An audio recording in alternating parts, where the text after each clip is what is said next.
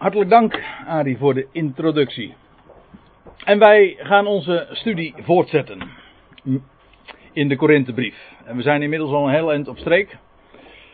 Dat wil zeggen, we hebben 14 hoofdstukken inmiddels al besproken.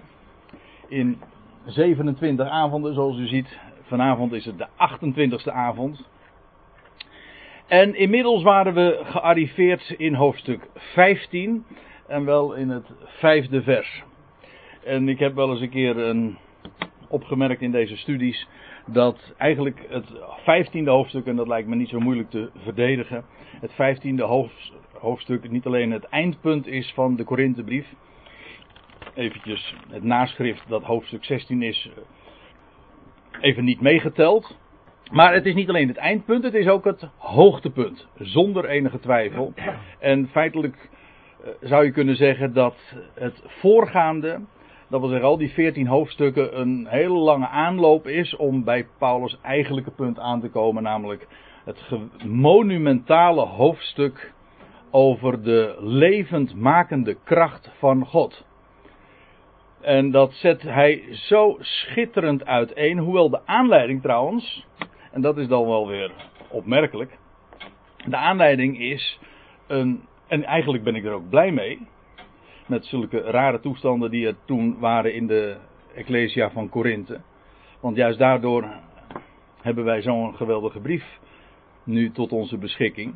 Maar de aanleiding van dit hoofdstuk is dat daar in de gemeente van Korinthe waren sommigen onder hen, zo lezen we in dit hoofdstuk, sommigen onder hen die beweerden dat er geen opstanding der doden is.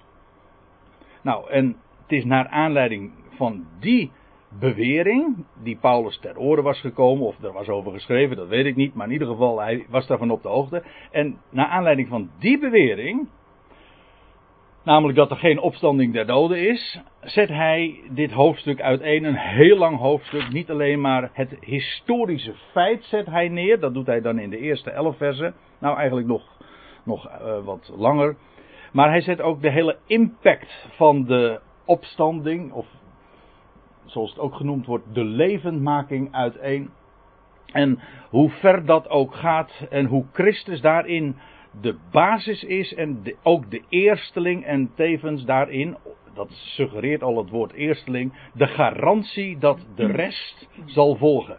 En zoals dan, uh, zoals de dood dan door Adam in de wereld is gekomen, zowel zo is door Christus het leven, maar dan met allemaal hoofdletters, dat wil zeggen het leven dat de dood achter zich heeft, aan het licht gekomen en in de wereld gekomen. En zo verstrekkend is als de daad van Adam is, zo verstrekkend en universeel is ook de daad van Christus, dat wil zeggen zijn opstanding. Nou, dat zijn allemaal van die thema's die in dit hoofdstuk aan de orde komen en daar gaan we het ongetwijfeld ook nog over hebben als dat ter sprake komt. Ik ben eigenlijk erg blij dat we nu het 15e hoofdstuk bespreken. Niet omdat ik de andere 14 hoofdstukken niet mooi vond om te bespreken, maar ik vind dit echt zo geweldig. Dit bepaalt je ook zo sterk bij waar het allemaal om gaat. Namelijk dat Christus is opgestaan uit de doden. Dat is, als u het mij vraagt, gewoon de essentie van het evangelie. En als ik zeg, als u het mij vraagt, uh, maar ik zou het wat onbescheidener kunnen zeggen. Het is niet mijn woord, het is het woord ook van Paulus. Hij zegt, dat is waar het allemaal om gaat. En de rest is feitelijk kanttekening. Een toelichting op dat gegeven. Laat ik nog eventjes terugblikken. Niet op het uh, geheel, maar even op de voorgaande avond. Per slotverrekening, niet iedereen was daar. Degene, degene die er nu zijn, was daarbij van de partij. En toen hebben we het gehad over, over het slot van hoofdstuk 14. Dat was eigenlijk ook wel. Uh, ja, in bepaalde opzichten spectaculair, omdat Paulus daar dingen aan de orde brengt, stelt. die. Uh, nou ook niet bepaald uh, gemeen goed zijn meer. We hebben het vanaf vers 34 toen besproken. Over de vrouwen die zouden zwijgen. Maar ook eh, meer in het algemeen over de orde die er zou zijn. En ook het motief en het oogmerk van alle bedieningen. Namelijk dat alles zou zijn tot opbouw, tot stichting. En zo kwamen we aan in het begin van hoofdstuk 15. En daar vinden we eerst in de eerste plaats een samenvatting van het evangelie. Hij zegt Laat ik het nog eventjes zo teruglezen. In vers 3 zegt hij, voor alles heb ik u overgegeven. Dus dat is het eerste wat hij aan hen heeft meegedeeld. En het opmerkelijk is dat hij daarbij het, het leven van Jezus volledig voorbij gaat. Ik beweer daarmee niet te zeggen, of ik probeer daarmee niet aan te geven dat dat niet van belang zou zijn. Maar voor alles heeft hij hen overgegeven, namelijk dat wat hij zelf ook ontvangen had. Christus is gestorven. Dus daar waar de, de evangelie eindigen, daar begint Paulus' evangelie. Namelijk bij de dood van Christus, zijn begrafenis en, dat is noodzakelijk daartoe, de opstanding ten derde dagen. Voor alles heb ik u overgegeven hetgeen ik zelf ontvangen heb. Ik lees nu voor. Christus stierf voor onze zonde. En we hebben ook toen al gezien dat dat, ook heel uh, universeel is. Onze, dat is maar niet alleen onze dat wil zeggen die van de gelovigen, maar van de gehele wereld. Maar dat is met dank aan Johannes in de, zijn eerste brief. En dan vervolgens, hij is begraven en ten derde dagen opgewekt naar de schriften. En dat is precies waar het allemaal om gaat, de opgewekte Christus. En waarom stierf hij? En met uh, dit hoofdstuk zeg maar als basis en ook als achtergrond van de bespreking durf ik rustig te zeggen, hij stierf, waarom? Om te kunnen opstaan uit de doden. Hij is gestorven opdat hij zou kunnen worden opgewekt uit de doden, opdat daardoor onvergankelijk leven, leven dat sterker is dan de dood, aan het licht zou komen. En dat alles was ook naar de schriften. Wat Paulus in dit hoofdstuk doet, het, je moet het altijd uh, ook weer zien tegen de achtergrond van de, de vragen die daar leefden en waar hij, uh, de beweringen waar hij op ingaat. Men ontkende, we zullen dat trouwens wellicht vanavond nog zien, maar men ontkende dus, een op, sommige althans, opstanding der doden. En wat Paulus dan uiteenzet, is dat die opstanding juist een volstrekt, uh, on, uh, volstrekt bewezen feit is. Een, een historisch gegeven. En het is daarbij, en dat is wat hij een drietal keren ook eh, benadrukt, naar de schriften, naar de schriften is het allemaal gebeurd. Dat wil zeggen, het is dat wat, dat de mededelingen die hij deed, namelijk hij stierf, hij werd begraven en ten derde dagen werd hij opgewekt uit de doden.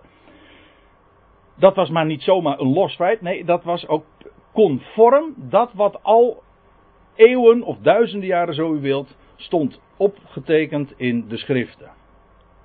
Dus het is een, de vervulling van dat wat was aangegeven en was beloofd. In directe profetieën, het, uh, of uh, meer in het algemeen ook in, in typologische gegevens. Want ik weet eigenlijk niet eens meer of we de vorige keer daar nog uh, over hebben gesproken. Als er staat van hij is opgewekt ten derde dagen naar de schriften. En uh, dan, ja, nou ineens weet ik het weer. Toen hebben we het er nog even over gehad. Dat als je nou een concordantie pakt en, en je kijkt waar het woord of de, de frase de derde dag voorkomt in het Oude Testament. Wat de Joden dan noemen de Tenach. Nou, dan sta je verbaasd. En kijk het maar eens na. Dan zul je zien dat het altijd verband houdt, direct of indirect, met nieuw leven, met opstanding uit de doden. En daar zijn heel veel voorbeelden van te geven. Ik heb ooit een Bijbelstudie-serie gegeven over, over, over die ene frase. Opgewekt ten derde dagen naar de schriften. Een geweldig onderwerp. En je begint in Genesis 1. Ja, en waar eindig je? Bekend is natuurlijk die, eh, de geschiedenis van Jona.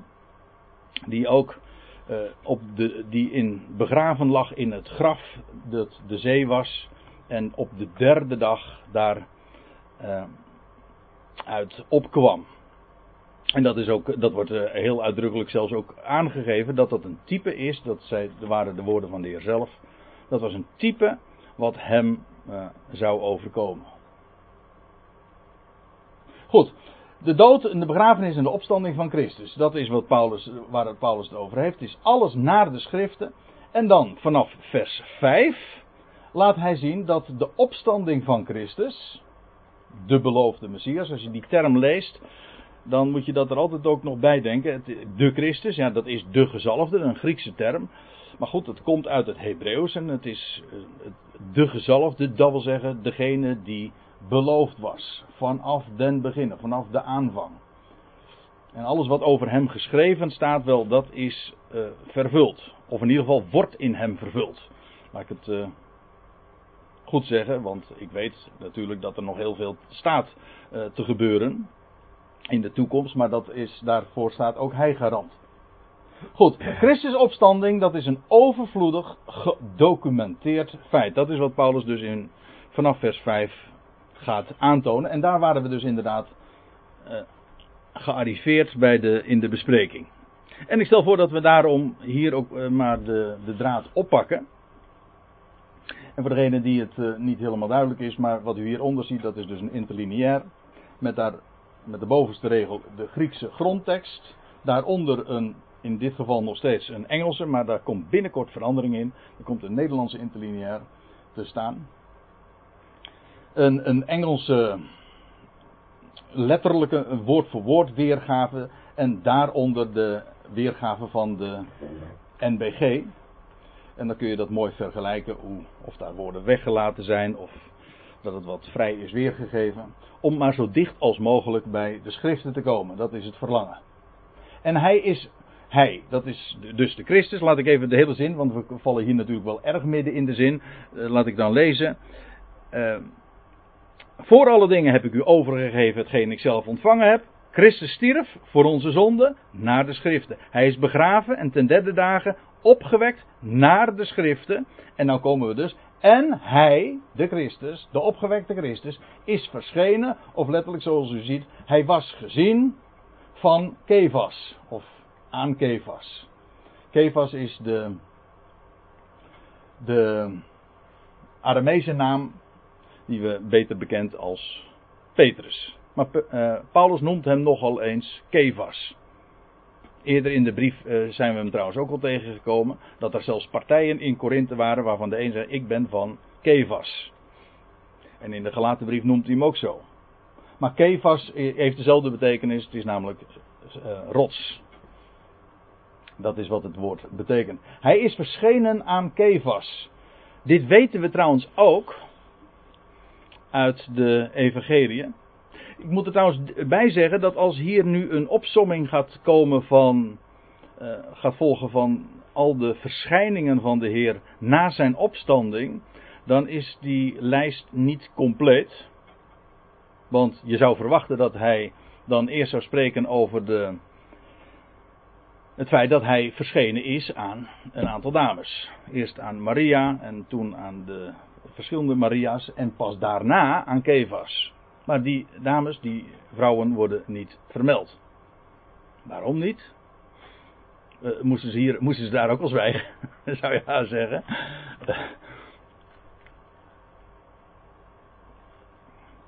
nou, ik denk trouwens wel dat het er in ieder geval iets mee te maken heeft. En dat is dat. Uh, uh, ja, met excuses als ik het als ik misschien wat beledigend overkom maar zo bedoel ik het niet. Maar dat, dat vrouwen in het rechtsproces ook nou niet bepaald als getuigen, werd, niet, geen betrouwbare getuigen waren.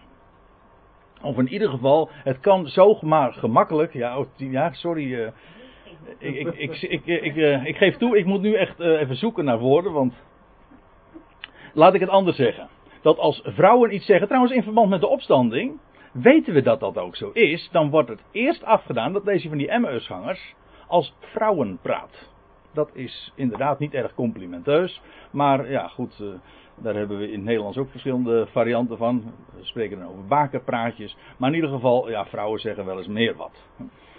En die worden daarom, juist omdat Paulus hier uiteenzet, tenminste, ja, het is altijd uh, moeilijk om aan te tonen waarom iets er niet staat dat wordt hier natuurlijk niet uitgelegd. Maar goed, ik probeer even te begrijpen waarom, wat de reden daarvoor zou zijn. Ik bedoel, uit, vanuit de evangelie weten dat, er, uh, dat de eerste dames waren.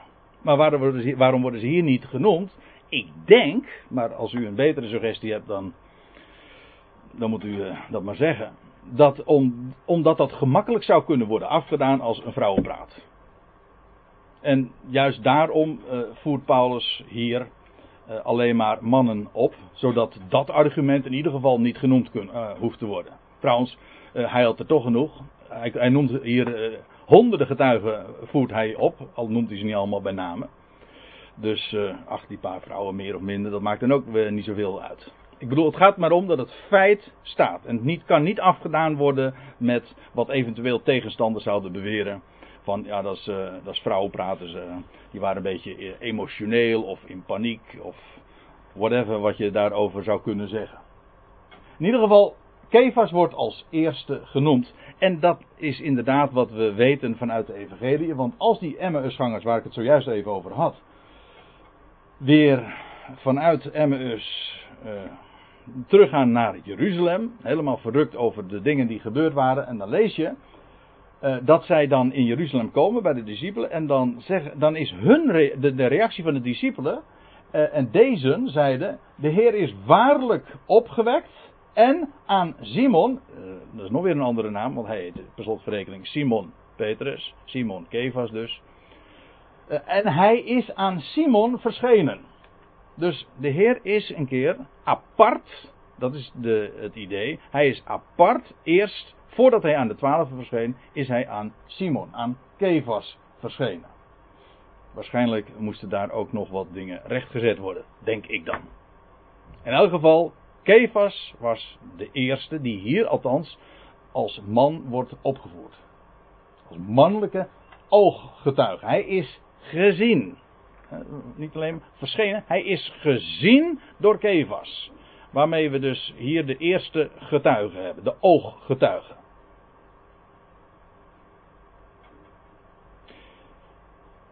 Daarna aan de twaalfen. Dat moet een technische term zijn. Uh, nou, zoals wij trouwens. Uh, ja, ik, moet ik er ineens aan denken. ik schrijf hier het twaalftal, maar wij spreken dan per slotverrekening nu eh, tijdens de WK, eh, spreken we over elftallen. En dan spreken we ook als er iemand met een rode kaart uitgestuurd is, nog steeds over het, uh, bijvoorbeeld het elftal van, nou ja, uh, noem eens wat, Uruguay, of, nou ja, maakt niet uit. Ook al zijn het er maar tien. Hm? Maar dat is gewoon een technische term, gewoon voor het team of voor, het, voor de club of voor uh, dat gezelschap. Waarom zeg ik dat? Omdat we in ieder geval weten dat Judas er niet bij was. En trouwens, uh, zeker als het gaat om die eerste zondag dat de Heer verscheen, is dat uh, ook, toen was ook Thomas daar niet bij. Dus, maar goed, het, uh, ze worden genoemd de twaalfen. Ook al, zou, al was dat aantal niet compleet. Trouwens, zoveel maakt er nou ook weer niet, geen verschil. Want vervolgens kwam de zondag later, acht dagen later, werd, was Thomas er wel bij. En degene die uh, Judas plaats in uh, moest vullen, die uh, heeft de Heer ook in levende lijven gezien. Namelijk Matthias. Die de rol van, van Judas overnam. Hoe dan ook, hij is verschenen dus aan het hele twaalftal. En daar bleef het niet bij. Vervolgens is hij verschenen aan meer dan 500 broeders tegelijk. Dat is heel opmerkelijk dat Paulus hier daar, dat Paulus daar een melding van maakt. Want uit de Evangelie weten we dat niet zo direct. In ieder geval, dat aantal wordt niet genoemd. We weten wel, want je zou natuurlijk de vraag kunnen stellen: van waar is dit geweest? En gewoonlijk, en ik heb dat zo van uh, diverse uitleggers ook gehoord, dan moet je daar niet op afgaan. Het gaat om de argumenten per slotverrekening. Maar ik denk dat er goede redenen zijn om aan te nemen dat dat in Galilea is geweest. Je leest al, dus op, heb ik daar een diaatje van? Nee. Maar in Matthäus 26, dat is nog voordat de Heer uh, voordat de Heer zou worden overgeleverd, dan zegt hij al, voorzegt hij al, dat hij ten derde dagen zou opstaan. Hij heeft, heeft daar diverse keren al melding van gemaakt, maar de discipelen zijn daar kennelijk uh, doof voor geweest. Het, is, het, is niet, het kwartje is niet gevallen. Maar dat hij al zegt van, en als ik ten derde dagen zal zijn opgestaan, dan zal ik u voorgaan naar Galilea. In hoofdstuk 26, vers 32 lees je dat. En dan vervolgens, als de opstanding inmiddels gebeurd is, op die derde dag, dan lees je inderdaad dat de heer, als de Heer verschijnt aan, de, aan die vrouwen, dan zegt hij van, ga, zeg tegen mijn discipelen dat ik hen zal voorgaan naar Galilea. Hoofdstuk 10, vers 16 en Marcus 16 vind je, dat is een parallelplaats dan weer van dit. Maar in elk geval, hij is naar Galilea gegaan hij heeft dus een, uh, dat, dat duidt erop dat hij hen stuurde naar een plaats waar, waar, ze, waar hij hen allen zou treffen. Dus die, die, die, vrouwen die moesten iets gaan vertellen van, hij, daar zul je hem weer, daar zullen jullie hem allemaal weer, weer treffen.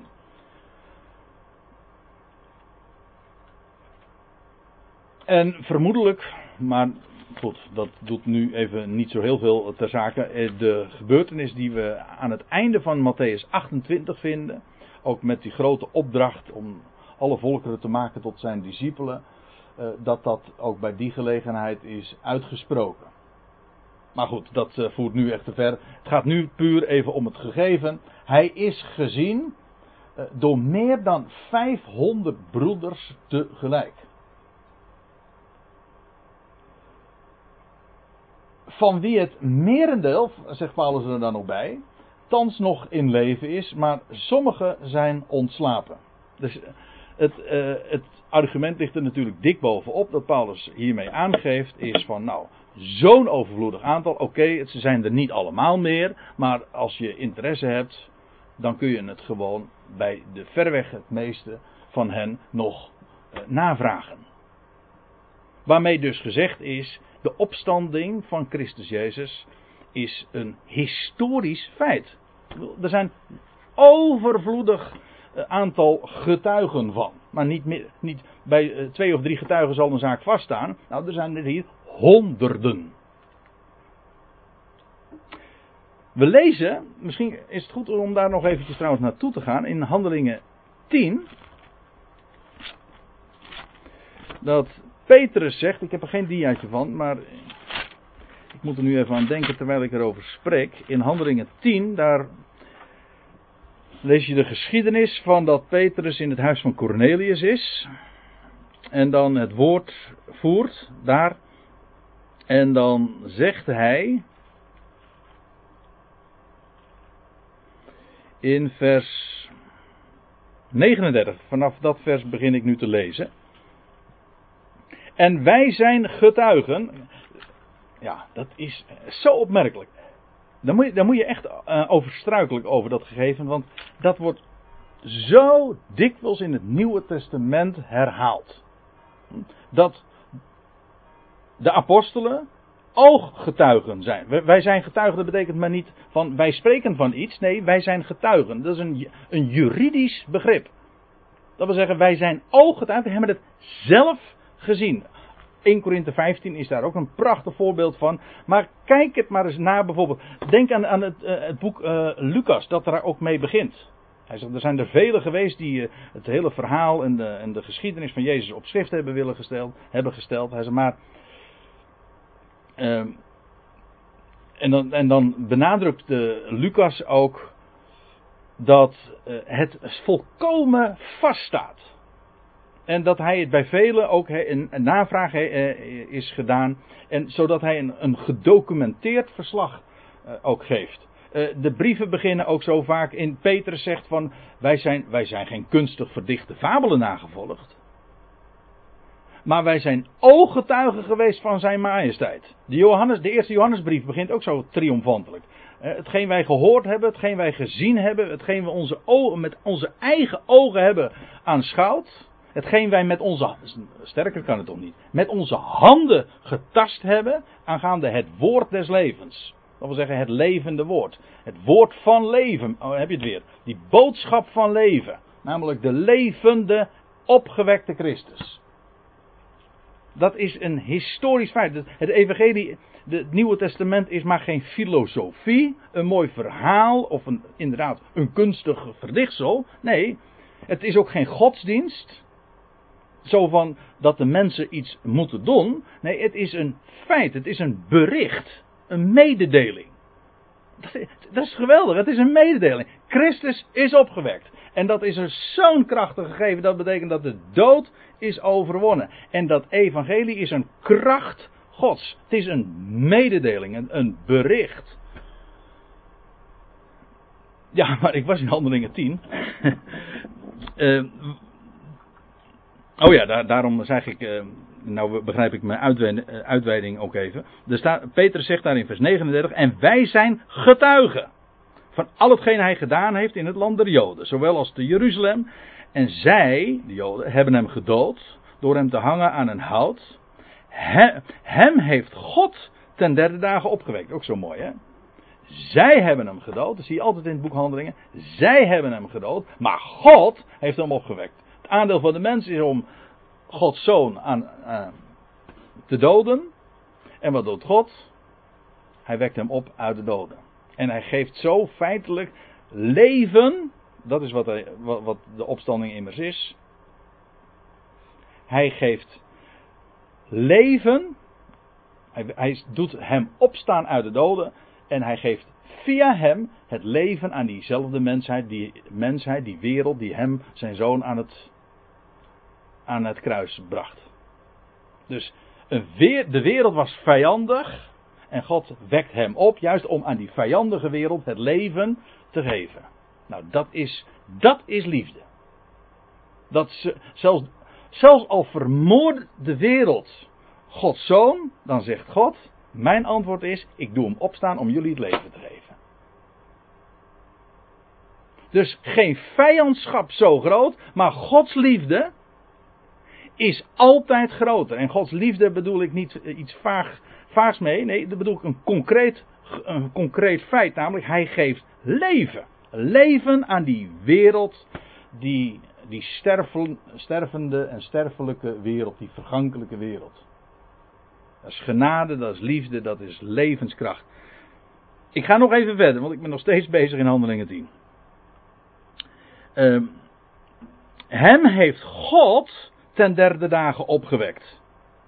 En hij heeft, en heeft gegeven dat hij verscheen. Nou, ja, nou, dit is de reden waarom ik even dit vers aanhaal.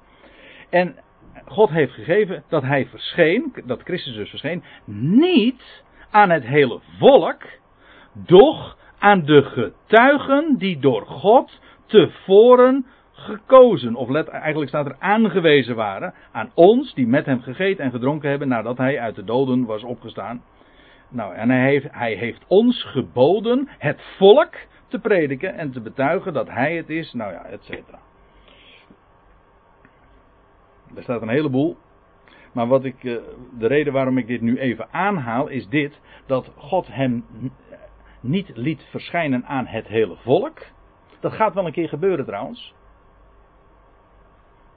Ja, God gaat straks, of zal hem doen verschijnen, zijn zoon, daar aan Israël, aan het hele volk. Maar toen niet.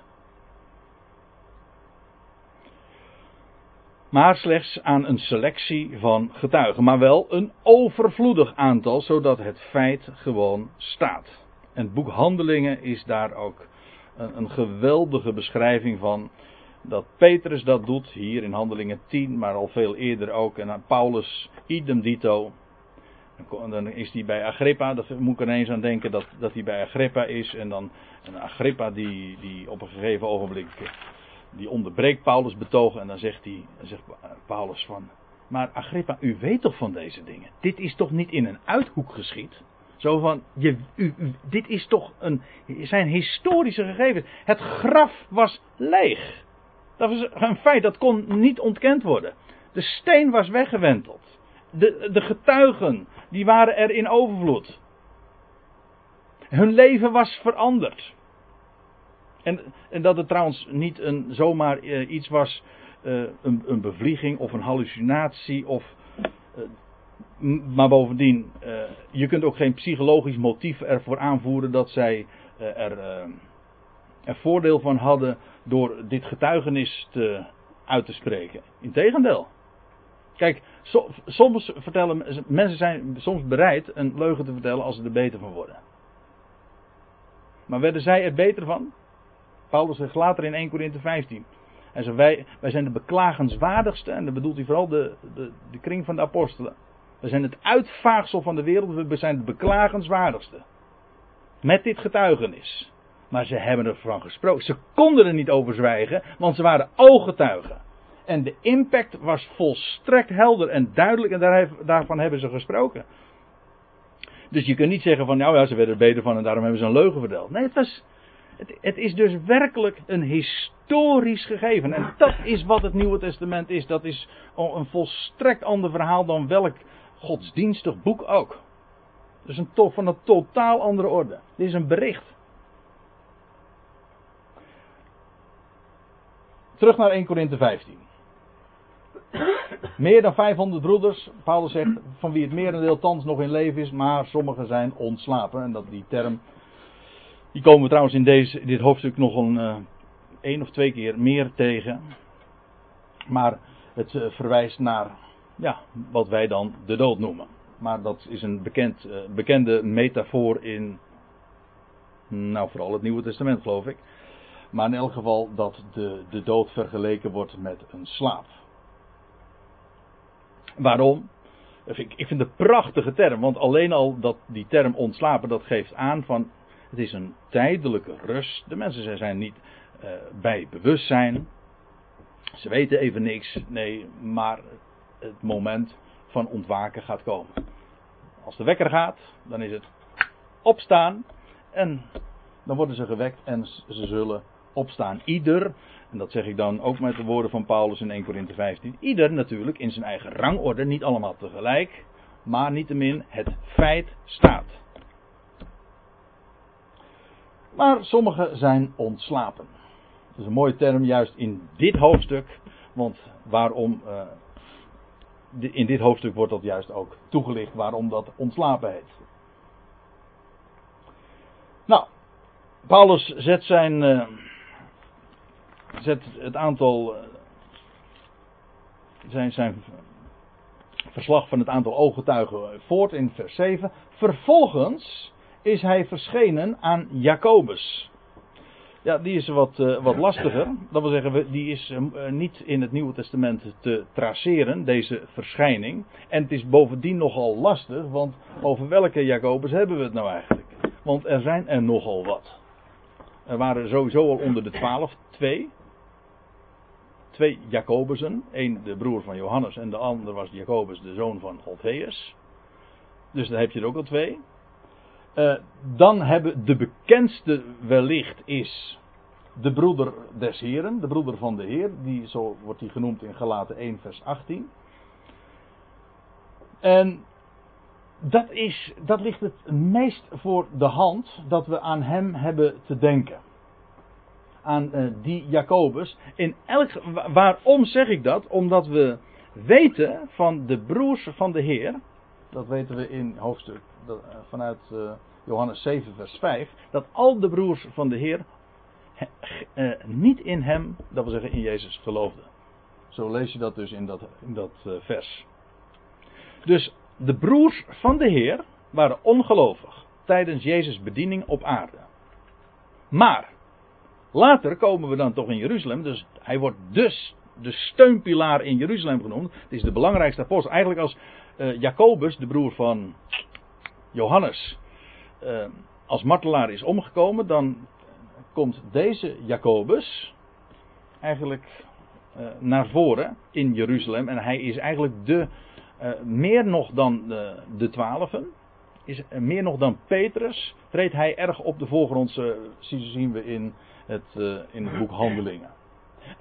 Dat betekent dus dat ja Jacobus, Jacob is een Hebreeuwse naam, Jacob.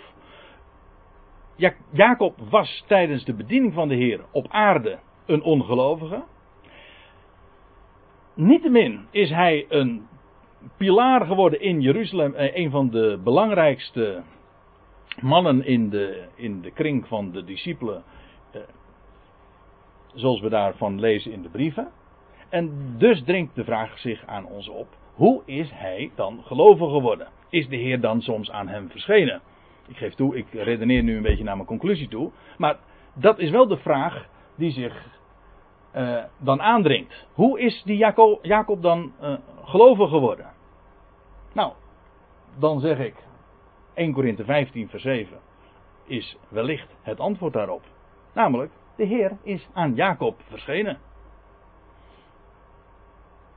En dat dat de bekering van Jacob is. En als ik het zo zeg, dan vind ik het eigenlijk nog wel weer heel erg mooi ook. Ook, ik bedoel, typologisch. De bekering van Jacob. Hoe komt Jacob, waarbij ik met Jacob niet alleen maar bedoel de, de stamvader van Israël, maar ik bedoel ook gewoon het volk. Het volk Israël, dat ook heel vaak genoemd wordt Jacob. Dat is trouwens uh, leuk om, dit, om het in dit verband ook even te zeggen. Het is opmerkelijk dat uh, de naam Jacob, als het een aanduiding is van het volk, dat het juist verwijst naar het volk in ongeloof. Je staat, er staat ergens in, Jezaja, ik, de Heer, dat de Heere, Jawel, heeft een woord gezonden aan Jacob en het is gevallen in Israël, staat er. Hij zendt het aan Jacob. En hij, en het valt, dat wil zeggen het komt tot ontkieming, het wordt aanvaard in Israël. Dat wil zeggen als het woord aangenomen wordt, als het woord uh, vrucht draagt, of hoe moet ik het zeggen, ontkiemt, in goede aarde valt, dan heet het Israël. Maar we weten ook dat het volk Jacob, hoe komt Jacob tot geloof.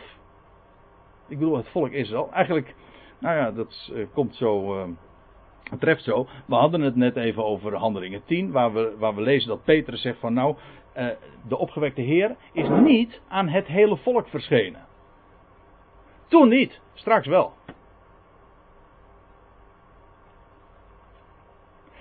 En als hij in levende lijven aan hen zal verschijnen, dat zal ook de omkering zijn van Jacob. Zoals dat ook van deze Jacob. Ik ga even uit van uh, dat het inderdaad om deze bewuste persoon gaat, ging. Dat Jacob tot geloof komt, niet door, uh, ja, nee, nou moet ik het goed zeggen. Dat Jacob tot bekering komt, niet door het horen van het woord, maar door te zien. Hij zal, uh, je leest aller hij zal eh, straks verschijnen aan Israël. In het boek Zacharia lees je dat. En uh, het aller oog, in Israël gaat het daar specifiek over. Um, alle stammen van het land zullen hem zien en over hem weeklagen. En dan zullen ze hem zien hè, en ze zullen over hem rouwklagen als over een, als over een eerstgeborene. En dan zullen ze ook de tekenen in zijn handen zien. En dan zullen ze zien wie. Ja, oh, zo staat het er ja. Dan zullen ze zien wie zij doorstoken hebben. En door te zien zal men tot omkering komen. Precies als deze Jacob. Op Gods tijd, dan zal hij aan hen verschijnen. En dan wordt Jacob dus Israël. En dan, als ik het zo zeg, dan denk ik weer aan, eh, die, aan, die, aan de stamvader natuurlijk. Die Jacob die ook uh, een omkering meemaakte. Dat was trouwens leuk. Want die omkering vond plaats bij de Jabok. Dat is ook een omkering. Hè? Jacob werd, vond een om, eh, bij Jacob vond een omkering plaats bij de Jabok, bij de rivier de Jabok. Toen ging hij daar doorheen, door de wateren, op zich ook alweer een beeld van dood en opstanding. Maar juist daardoor, uh, hij, hij trof toen die man. En zo werd hij Israël. Werd geslagen op de heup, nou ja. In ieder geval, Jacob wordt door ontmoeting in levende lijven, door de, terwijl hij de rivier doorwaarde, hoe was het precies daar bij Pniel, van aangezicht tot aangezicht ziet hij de Heer. Pniel betekent ook het aangezicht van de Heer. Het aangezicht van God. En zo wordt Jacob inderdaad Israël. Nou ja, dat zijn zo allemaal van die gedachten en associaties die ik heb als ik dan zoiets lees. Hij is verschenen aan Jacob. Ik vind het prachtig dat die, dat die broeder van de Heer ooit een, ongelovige was. Maar hij, hij, is, hij is omgekeerd. Ja, en 1 Korinthe 15 vers 7. Ik hou ervan om eraan te denken dat dat inderdaad de reden is van zijn ommekeer. Waarom? Hij heeft, de, hij heeft zijn broer gezien. Met zijn broer met een hoofdletter.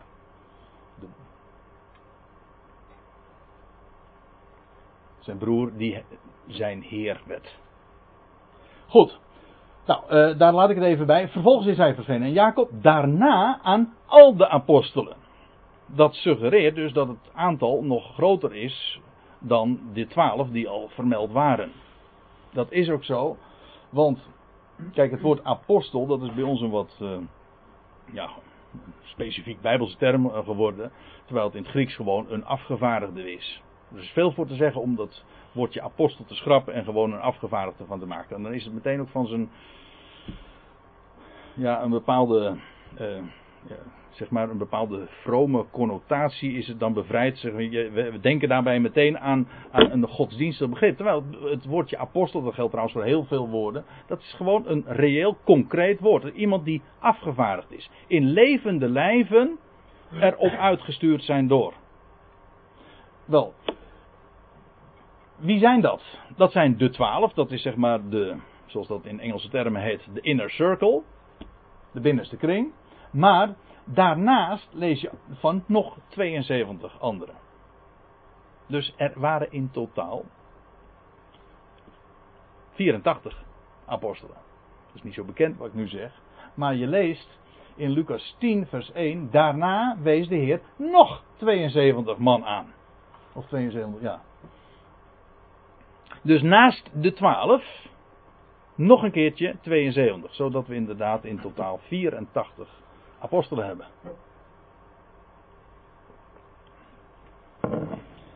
En hij zond hen twee en twee voor zich uit naar alle plaatsen, steden en plaatsen waar hij zelf komen zou. Nou, uh, over die context, daar gaat het nu even niet om. Het gaat me nu even om het punt dat de Heer nog veel meer mensen erop uitgestuurd heeft, heeft afgevaardigd.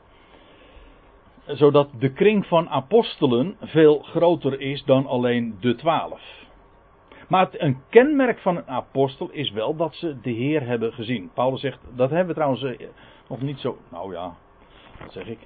Uh, in hoofdstuk 9 hadden we het, uh, toen we in hoofdstuk 9 van de Korinthebrief waren, dan lees je dat Paulus zo retorisch zich afvraagt van, ben ik geen apostel? Heb ik de Heer niet gezien? Want dat is namelijk wat een apostel is. Dat wil zeggen, iemand die de Heer in levende lijf heeft gezien, en, uh, en door hem erop uit is gestuurd. Door hem is afgevaardigd.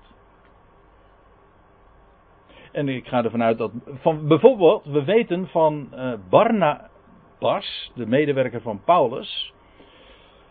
Dat hij wordt in handelingen 14 bijvoorbeeld. Ik geloof dat er nog een schriftplaats is waarin dat wordt gesuggereerd, of echt expliciet ook gezegd. Dat hij een apostel is. En ik ga er daarom vanuit dat Barnabas ook bij die 72 dan behoord heeft. Goed, in elk geval, hij is eh, verschenen aan Jacobus, daarna aan al de apostelen, dus nog aan veel meer. Maar het allerlaatst, gewoon letterlijk staat er gewoon uh, het laatst. Paulus is de laatste apostel, dat is wat hij zegt. Kijk, hij had het namelijk over de apostel, daarna aan al apostelen en het, allerla, het laatst uh, is hij ook aan mij verschenen. Uh, het laatst, dat wil zeggen, ja, Paulus is de laatste apostel. Ik weet dat er ook mensen zijn die uh, daarna nog claimen een apostel te zijn. Ik bedoel, er zijn heel wat mensen op aarde die zeggen van nee, wij zijn, ik ben een apostel. Je hebt zelfs kerkgemeenschappen die daarop gebaseerd zijn, op, op een apostolische bediening. Maar als u het mij vraagt, kan dat helemaal niet. Want een apostel is iemand die rechtstreeks door de Heer zelf is aangewezen. Die, iemand die de Heer heeft gezien. En wie is de, de hekkensluiter, als ik het even oneerbiedig mag zeggen? Dat is Paulus. Paulus zegt: Ik ben de laatste. En Paulus was eigenlijk al ver over de termijn. Dat wil zeggen, eh, al die apostelen die hadden de Heer gezien. Hadden de Heer trouwens ook gedurende hun bediening, zijn bediening op aarde meegemaakt. Ze waren vervolgens ooggetuigen van zijn opstanding. Dat lees je allemaal. Uh, dat zijn allemaal van die kwalificaties die je leest als, als uh, er een vervanger gezocht wordt voor Judas. Dan worden die dingen als, als kenmerken en als voorwaarden ook opgezond. En, nou ben ik even de draad kwijt. Waar had ik het ook alweer over? Oh ja, nou weet ik het weer. Zij waren dus allemaal mensen geweest die ooggetuigen waren van de Heer uh, van de opstanding van Christus, van de opgestane Christus. Dat was een kenmerk van een apostel. Wel, Paulus hoort daar ook bij, maar hij is toch echt. In die zin zou je kunnen zeggen over de datum. Dat, nee, dat is niet helemaal goed, de goede term. Maar in ieder geval buiten de termijn. De Heer was inmiddels, namelijk al op ten hemel gevaren. En uh, jaren later verscheen hij aan Paulus. En Paulus zegt: Ik ben de laatste. De laatste apostel. En ik heb de neiging om dan te denken: lest best. Hij heeft de mooiste boodschap. De rijkste. Hij krijgt ook de laatste update van de Heer, om zo te zeggen, want er waren ook nog weer dingen veranderd. Maar het laatst is hij mij, aan mij verschenen. Trouwens, we zullen dit woordje laatst, hier staat in het Grieks het woordje eschatos.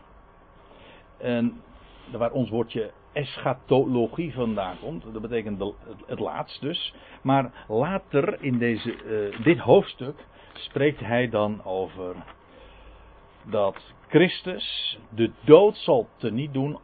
En dan noemt hij de dood de laatste vijand. Exact hetzelfde woord. Eschatos. De laatste vijand.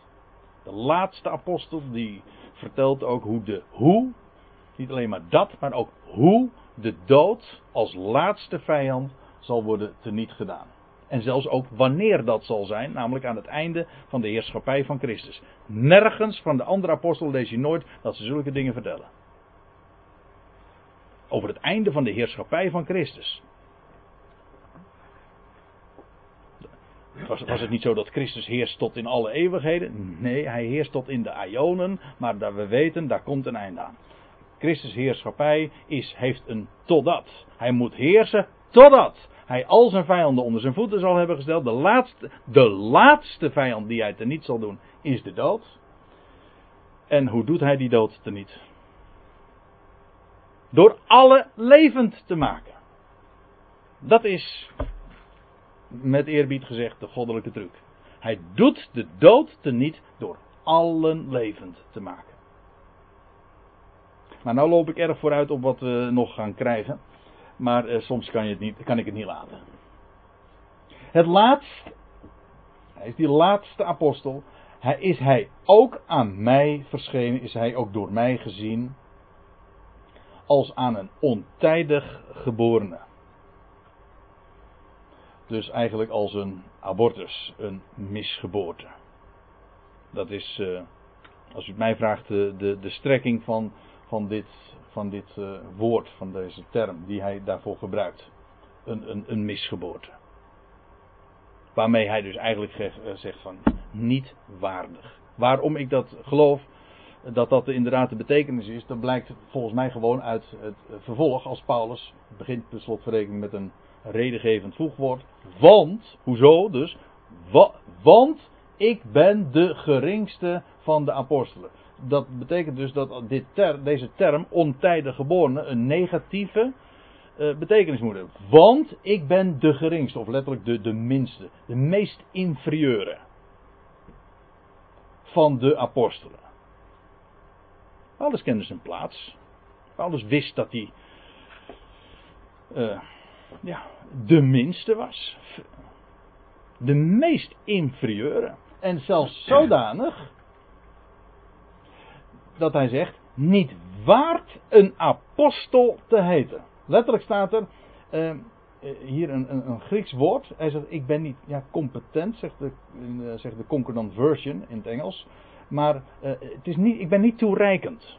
Dat wil zeggen, ik, ik, ik heb niet de kwalificaties om een apostel te heten. Ik ben het niet waard om, dat, om zo genoemd te worden. En om het te zijn, om een afgevaardigde te zijn. Waarom zegt hij dan? Nou, ik heb de gemeente Gods vervolgd. Die term, die komen we vijf keer tegen. Nou, zie ik inmiddels dat het bijna negen uur is, dus ik stel voor dat we eerst eventjes een kopje koffie drinken en dan gaan we straks.